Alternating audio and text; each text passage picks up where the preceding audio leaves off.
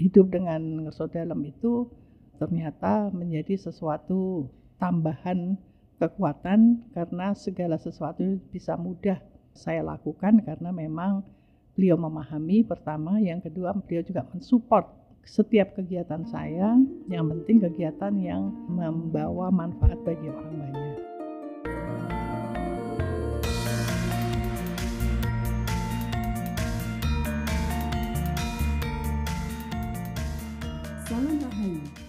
Selamat datang kembali dalam podcast Rembuk Rosso Putri Kedaton.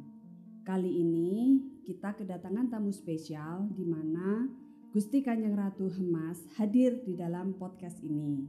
Dan begitu juga ditemani oleh Gusti Kanjeng Ratu Bendoro. Sugeng Rawuh Ibu uh, Gusti Kanjeng Ratu Hemas yang kita cintai, begitu juga adikku tersayang Gusti Kanjeng Ratu Bendoro. Biasanya kita kan mendengar ibu itu selalu berbicara tentang politik, organisasi, dan lain sebagainya. Nah, kali ini kita akan mendengarkan ibu dari sisi lain, yaitu tentang keluarga. Iya, dulu ibu uh, sering cerita kan, hidup bersama dengan enam saudara laki-laki itu, ibu jadi bisa ganti ban mobil sendiri, tapi juga akhirnya ibu juga bisa bikin kue pas, uh, kastengel sama yang putri ya. Jadi ada dua sisi dari ibu gitu. Dan pernah loh benerin genteng. Naik sendiri dalam di atap rumah benerin genteng karena bocor. Oh di Madukesmo gitu. ya? Enggak waktu di Singapura. Oh. Singapura. ya ya daripada bayar upah yang cukup mahal. Saya kira kalau saya bisa naik, saya kira nggak apa-apa. Iya. Tapi masih muda waktu itu. Waktu itu masih, masih muda, muda. jadi apa? Masih kuat lah naik. Ya, waktu gitu. itu anak-anaknya masih kecil. Ya. Nah sekarang anak-anaknya udah besar. Mm. Yang disuruh ke genteng mungkin Mbak Hayu ya.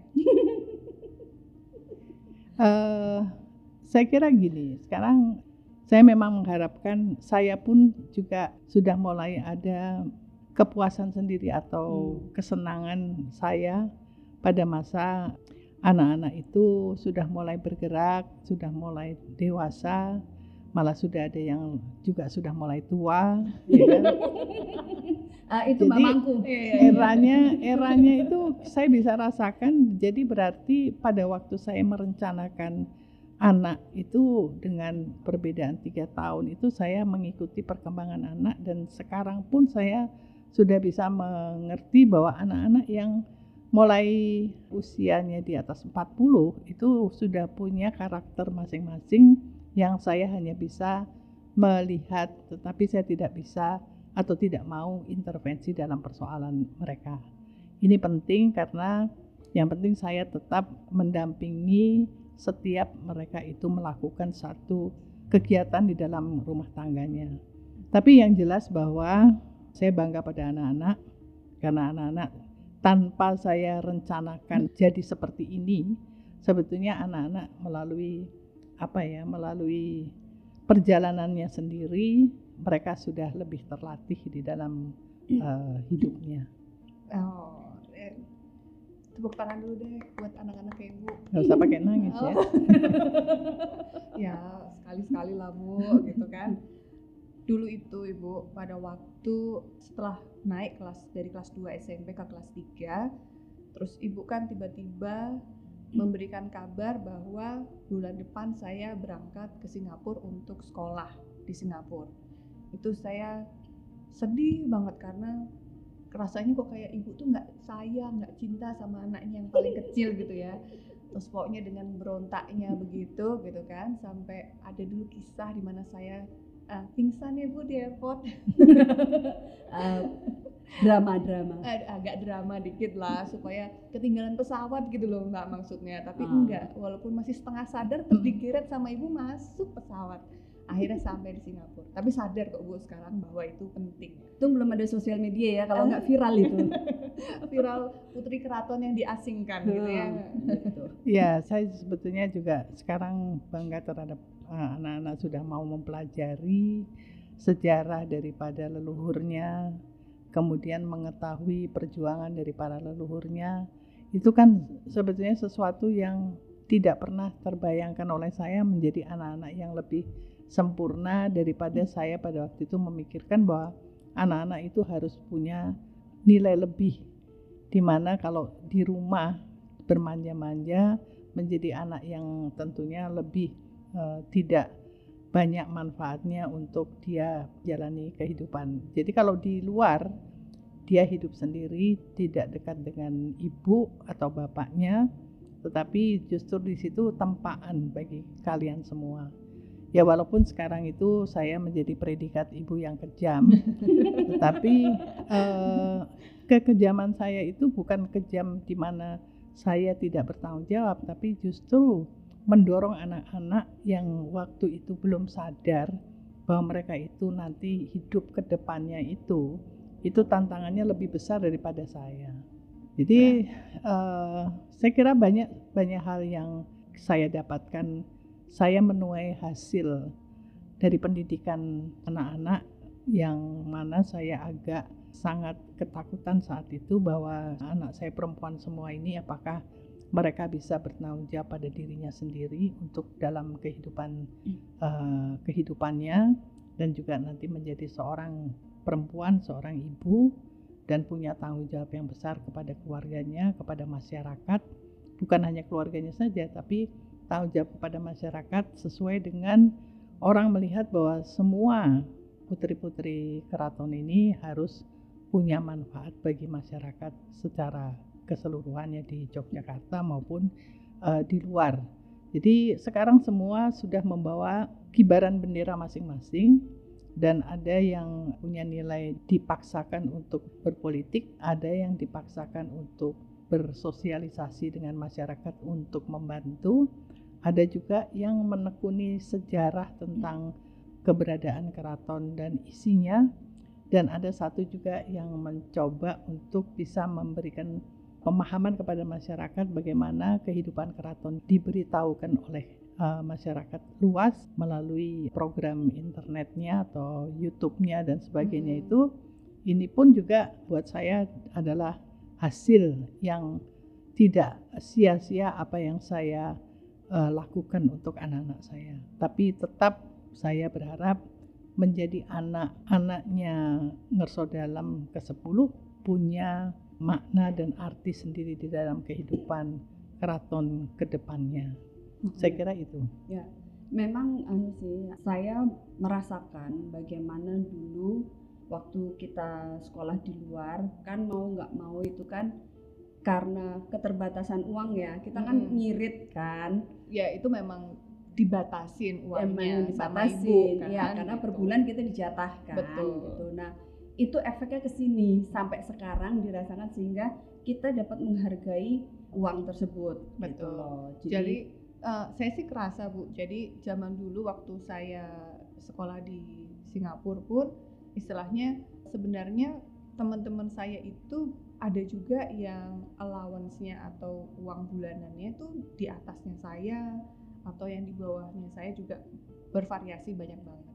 Tapi uh, yang ibu berikan itu ya cukup untuk kayak beli buku, untuk ngisi pulsa waktu itu ya. Hanya cukup untuk itu, tapi bukan untuk yang bermewah-mewahan, beli yeah. yang uh, branded atau apa. Maksudnya ibu benar-benar memberikan kita uang itu pas gitu yeah. loh, untuk kehidupan yang pas, tidak yeah. untuk agar kita ya. disiplin ya. diri sendiri juga. Iya. Nah, kalau mau nambah Dan ya kerja sendiri ya. gitu kan saya waktu kapan itu ngikutin ibu ya dari pagi sampai pagi dan uh, hanya tidur 4 jam lalu kerja lagi dan lain sebagainya yeah. itu uh, kalau saya sangat melelahkan. Iya bayangin aja mbak, itu. ibu sekretarisnya dua, hmm. tiga hari kerja sama ibu kayak begitu, dua-duanya tumbang. Ibunya sehat. sehat. Nah kan di dalam jamunya apa? Nah, jamunya apa? Jangan di sini. Nanti sponsor, sponsor, sponsor, pesan sponsor. Jadi gini bu, hmm. uh, di dalam dunia politik itu kan juga tidak mudah ya. Ya. Untuk betul. apalagi untuk seorang perempuan kan hmm. harus bagaimana berjuang yang kadang-kadang disepelekan ada oleh stigmanya juga. ada stigmanya juga dan sebagainya. Nah Ngerso Dalam sendiri itu bagaimana mensupport ibu dalam uh, melalui rintangan karena kan juga pernah waktu itu sempat rame dan viral dan sebagainya ya. gitu bu. Eh, ya, jadi yang pertama sebetulnya saya masuk dunia politik itu adalah tadinya hanya keingintahuan sebetulnya politik itu apa. Karena setiap kegiatan saya, baik itu kegiatan sosial, kegiatan yang lainnya, kemasyarakatan itu juga selalu terbentur pada kepentingan politik yang cukup tinggi. Hmm. Nah, pada waktu saya masuk, pertama saya masuk di bidang anggaran. Saya pengen tahu berapa anggaran pendidikan ya, dari negara, berapa anggaran untuk melindungi anak-anak dan Iya. perempuan, bagaimana budget untuk setiap daerah. Nah, ini yang saya pertama kali masuki. Yang berikutnya, kalau lihat dari sisi pekerjaan, kalau kita sudah punya niat untuk masuk ke dalam satu dunia, entah itu politik, entah itu kebudayaan atau apa pun, itu harus ditekati dulu dari kemauan kita. Jadi kalau kita bekerja dengan kemauan yang cukup kuat, tentu kita tidak akan merasa lelah dan terus akan lebih memacu kita untuk berjuang dan memacu kita untuk maju. Dan ini sebetulnya kalau uh, ngerso dalam mungkin sudah paham kualitas hidup saya, di mana saya itu lebih punya kekuatan untuk berjuang. Karena kalau tidak punya kekuatan berjuang itu saya sudah diuji 20 tahun yang lalu banyak ujian yang terjadi di dalam kehidupan saya sehari-hari. Jadi kalau menghadapi tantangan di luar, jadi itu ujian itu sudah merupakan sesuatu yang uh, lebih mudah dihadapi. Jadi yang pertama adalah saya juga berterima kasih karena hidup dengan ngerso dalam itu ternyata menjadi sesuatu tambahan kekuatan karena segala sesuatu bisa mudah saya lakukan karena memang beliau memahami pertama, yang kedua beliau juga mensupport setiap kegiatan saya, yang penting kegiatan yang membawa manfaat bagi orang banyak. Itu sebetulnya bisa dilihat. Jadi saya itu umur hidup mencoba, pernah sekali mencoba untuk berbisnis, cari uang ceritanya pada saat itu, malah dihapusi dan bangkrut. Nah ternyata memang tes saya itu bukan seorang pengusaha. Jadi tes saya itu adalah untuk masyarakat ataupun berpolitik pun juga sebetulnya untuk kemaslahatan orang banyak. Jadi segala sesuatu kalau dikerjakan secara apa dari hati ya dari hati. dari hati kita itu bekerja itu sebetulnya nggak ada sesuatu yang ditakuti oh, dan yang tentu nggak perlu dan tidak ada hal yang kita anggap itu menjadi rintangan tetapi justru kekuatan itu ada pada diri kita dengan support yang luar biasa. Sebetulnya support itu dari ngerso dalam maupun dari anak-anak pada saat saya mau melangkah masuk dalam dunia politik.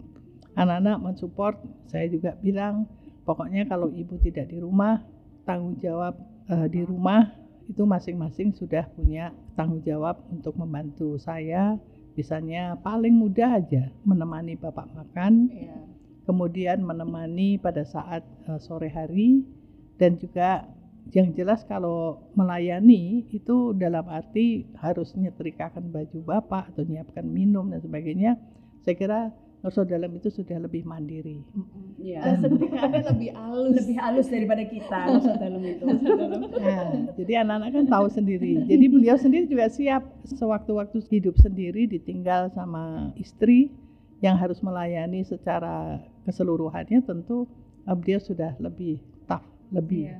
Menyiapkan dirinya sendiri untuk berdiri di atas kakinya Iya. sendiri. Jadi nggak dalam itu sudah siap 100% mensupport ibu dengan tahu bahwa ibu tidak akan selalu ada di situ Iya. gitu ya. Iya.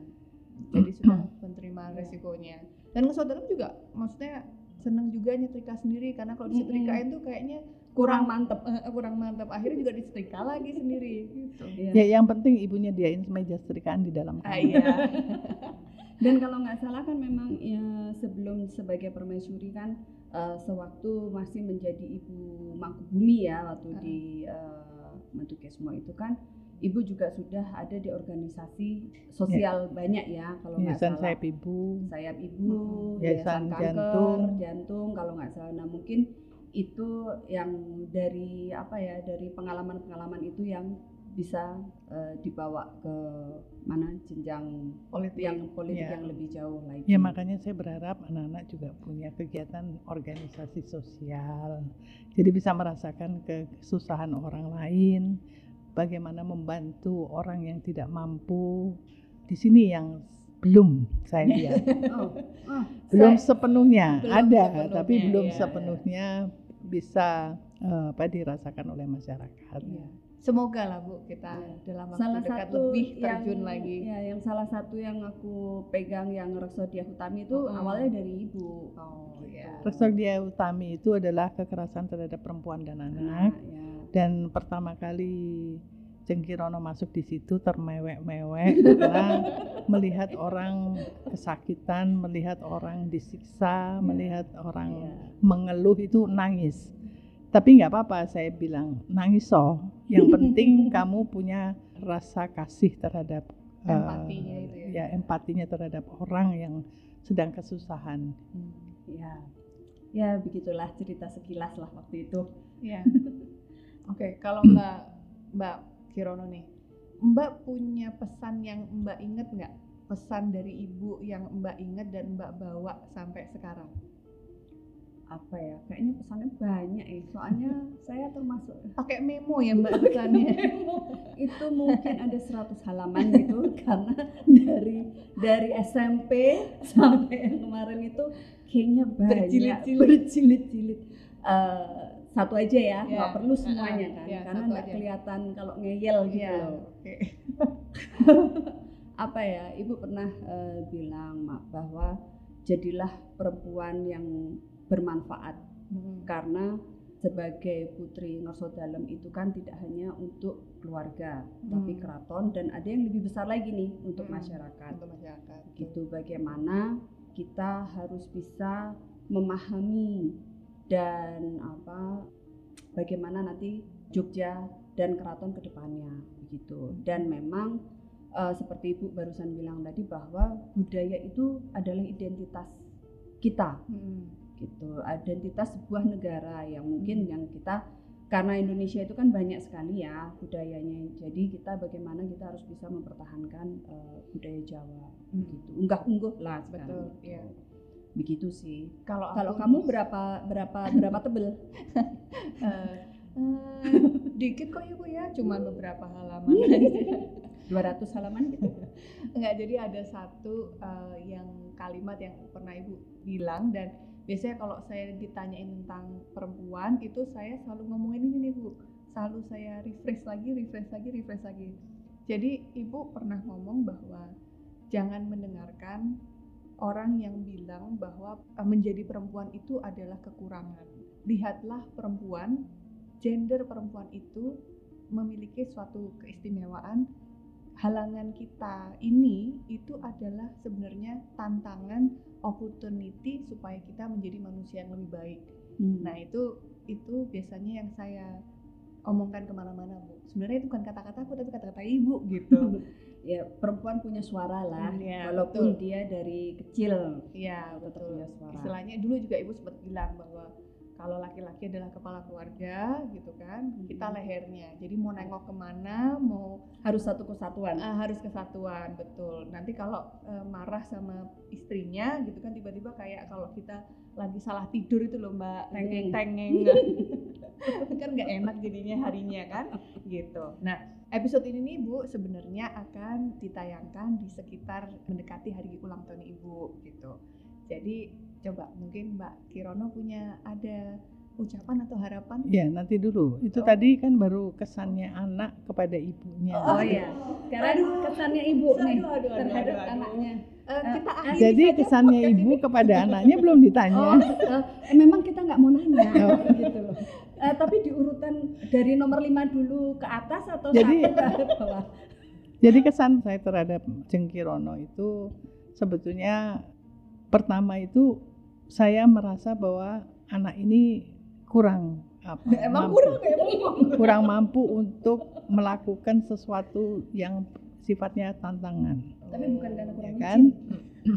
Tapi yang sangat berkesan bagi saya pertama itu saya agak agak keras saya bilang kamu harus bisa nyupir mobil sendiri. Hmm. Terus takut, dia bilang takut, pokoknya saya nggak mau. Saya bilang saya belikan mobil, kamu tabrak ke ya silahkan, mau dibonyok ke mobil, apa apa yang penting kamu bisa nyupir. Terbukti Tapi mobilnya dan terbukti bonyok. apa namanya pintu depan belakang sebelah kiri itu habis, karena mundur natap tiang listrik. Jadi itu itu pesan saya pertama. belok habis karena nyerempet tembok. Jadi eh, yang untuk Jeng Bendoro itu yang paling berkesan bagi saya pada waktu dia SMP kelas 1 kemudian dia di strap sama susternya karena tidak pakai kaos kaki yang sama yang dengan di sekolah. yang sama dengan apa yang diharuskan di sekolah. Susternya telepon saya, ini gimana Bu Mangkubumi? Ini putrinya nanti saya strap boleh enggak? Karena nanti pulang tidak pakai sepatu. saya bilang, "Eh, kenapa kenapa suster harus telepon saya? Hukum saja. Karena dia sudah tidak disiplin menggunakan kaos kaki yang seharusnya.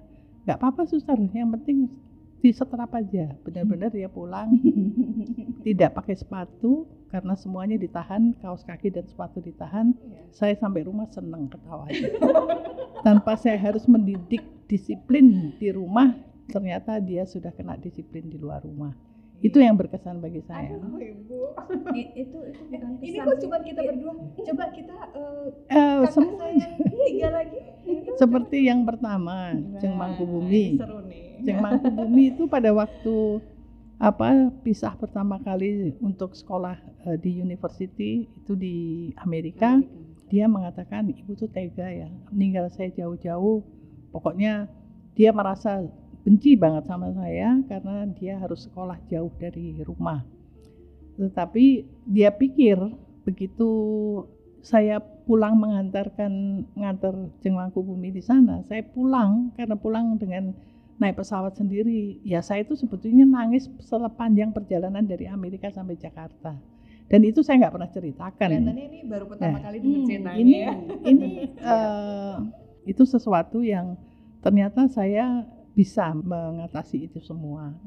Nah kalau yang nomor tiga eh, yang terkesan sekali itu yang terkesan membuat saya memang jeng madu itu punya spesifikasi sendiri karena suka makan jadi waktu saya kesan sayang pada dia itu pada waktu saya melarang dia makan untuk nambah atau lebih banyak itu malah justru dia itu dilindungi sama ngerso dalam pokoknya apa pun selalu di apa ya selalu dibolehkan sama ngerso dalam karena ngerso dalam berprinsip satu-satunya anak yang mirip ibuku itu adalah Dewi Oh, gitu. iya. Maduratno. Iya. Tapi bagi saya itu bukan mendidik, tetapi justru bagi saya saat itu ya sudah karena ngerso dalam kersane seperti itu. Tapi tetap dalam perjalanan dia tetap menjadi perempuan yang juga hebat lah. Iya. Paling sedikit dia bisa mengatasi kehidupannya sendiri Masakannya paling enak Masakannya paling daripada enak. Mbak Kirono.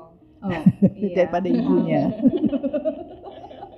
Kalau kita- yang nomor empat, kalau yang nomor empat itu sebetulnya Ini, setengah ini, ini yang paling bandel kan Bu? nomor setengah ini bikin kan? pusing saya. Nah, kok setengah kayaknya semua Karena dia dari TK itu sudah cerdas. Jadi mulai saya mulai sadar pada waktu itu dia bisa baca koran anak TK waktu itu. Baru TK itu dia sudah pegang koran. mm-mm. Tapi berikutnya yang bikin pusing itu adalah saya tidak bisa mengikuti kecerdasan yang harus saya atasi. Saya belikan puzzle yang isinya 50 puzzle, Oh, iya. dia bisa cepat selesai. Naik lagi 150 puzzle, selesainya cepat. Sampai naik lagi 500 puzzle, dia tiga hari bisa selesai. Pusing saya. Apa saya harus tingkatkan lagi 1500 puzzle? Akhirnya saya bilang saya harus konsultasi dengan psikolog. Jadi eh, akhirnya saya dibukakan eh, wawasan saya untuk mendidik Hayu ini. Dan memang bikin pusing itu Mbak Ayu itu. saya tidak pernah apa ya, tidak pernah melihat bahwa anak ini tidak pernah mengeluh. Iya. itu yang luar biasa hanya kesan saya pada yang paling hebat itu pada waktu pertandingan eh, senam Oh, senam. senam masih ingat nggak senam tali Tali.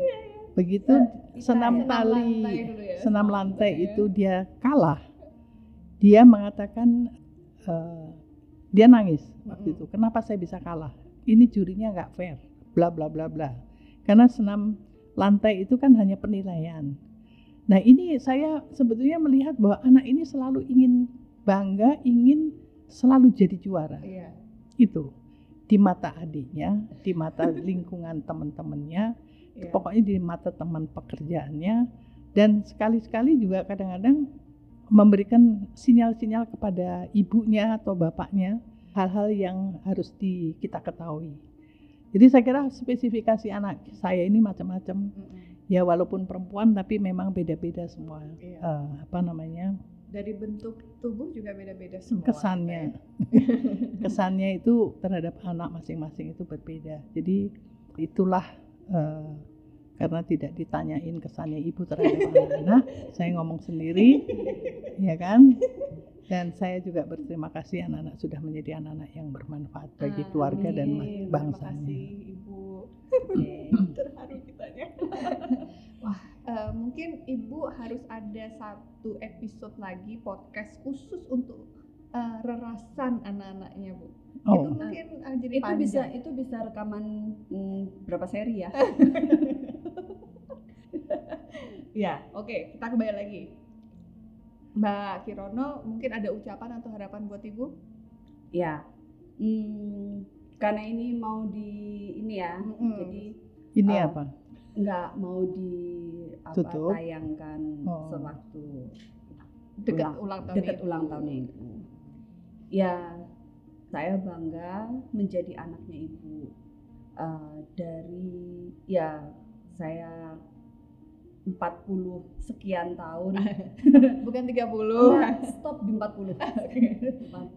Jadi eh, saya sedikit banyak mengikutilah eh, apa perjalanan eh, karirnya ibu juga dan saya lebih lama daripada kamu ya Jeng. Iya, pastinya lah. Jadi saya juga minta maaf saat ini, uh nangis Eh, telah merepotkan ibu dari Banget. Hmm, ya. Jadi pada kesempatan kali ini saya ingin mengucapkan terima kasih ibu telah eh, mendidik Melahirkan saya, saya. melahirkan, mendidik saya sehingga menjadi perempuan yang tangguh karena saya merasakan kalau tidak ada tempaan atau istilahnya kita disekolahkan di luar, saya merasa tidak akan setangguh ini untuk menghadapi kehidupan yang apa sedikit banyak kita lalui lah dalam karena kita sebagai putri keraton itu tantangannya juga tidak eh, sedikit gitu. Betul. dan tanggung jawab kita itu juga tidak eh, sedikit juga. Jadi saya ucapkan terima kasih dan saya bangga mempunyai seorang ibu yang tangguh. Iya. gitu. Kalau saya nih Bu, saya mau ngucapin selamat ulang tahun Ibu, sehat selalu, selalu tangguh di dalam maupun di luar keraton karena memang Indonesia tidak hanya keraton tapi Indonesia membutuhkan sosok perempuan yang seperti Ibu yang tangguh, yang bisa masak kastengel tapi juga bisa benerin ban gitu ya Bu ya. Jadi tangguh di situ. gitu. Dan sekarang tuh saya tuh juga merasakan karena saya sudah punya anak, jadi saya juga merasakan betapa repotnya ibu Repotnya. menghadapi kamu dulu iya betul karena anak saya tuh kayak 10 kali lipatnya saya dulu gitu kali ya Bu ya. Jadi saya sangat-sangat berterima kasih Ibu sudah mendidik saya dengan demikian rupa tarik ulur dengan saya di di Singapura hidup mandiri dan segala macamnya lalu membebaskan saya dalam bergaul dan segala macamnya jadi saya ada pengalaman pada saat remaja yang akhirnya menjadi pengalaman saya di saat saya membesarkan anak saya sekarang. Dah Ya. gitu. sudah Dah. kamu nggak minta maaf ke saya Nanti tunggu lebaran Mbak ya. ya sekali lagi terima kasih ibu udah bisa hadir di podcast kami berlima. Mungkin suatu ketika nanti kita akan diskusi lagi ya. Pastinya udah Pastinya. karena masih banyak ini Masih yang banyak. bisa dikulik-kulik dari ibu nih. Iya, gitu. Kalau sempat ya. Sempat lah bu. kita bikin anu appointment dua bulan sebelumnya Iya. lah, gitu. Jadi mungkin eh, teman-teman di luar juga bisa sedikit banyak mengerti bagaimana perjalanan dan likaliku seorang permaisuri Betul. Pada masa yang sebelum HB10 dan yang sekarang begitu bagaimana ada perbedaannya atau apa dan lain sebagainya gitu cek matur nuwun ibu sekali lagi sudah hadir di sini kami akan menyapa kembali dengan tema yang berbeda pada Rembuk Roso Putri Kedaton episode selanjutnya. Bareng.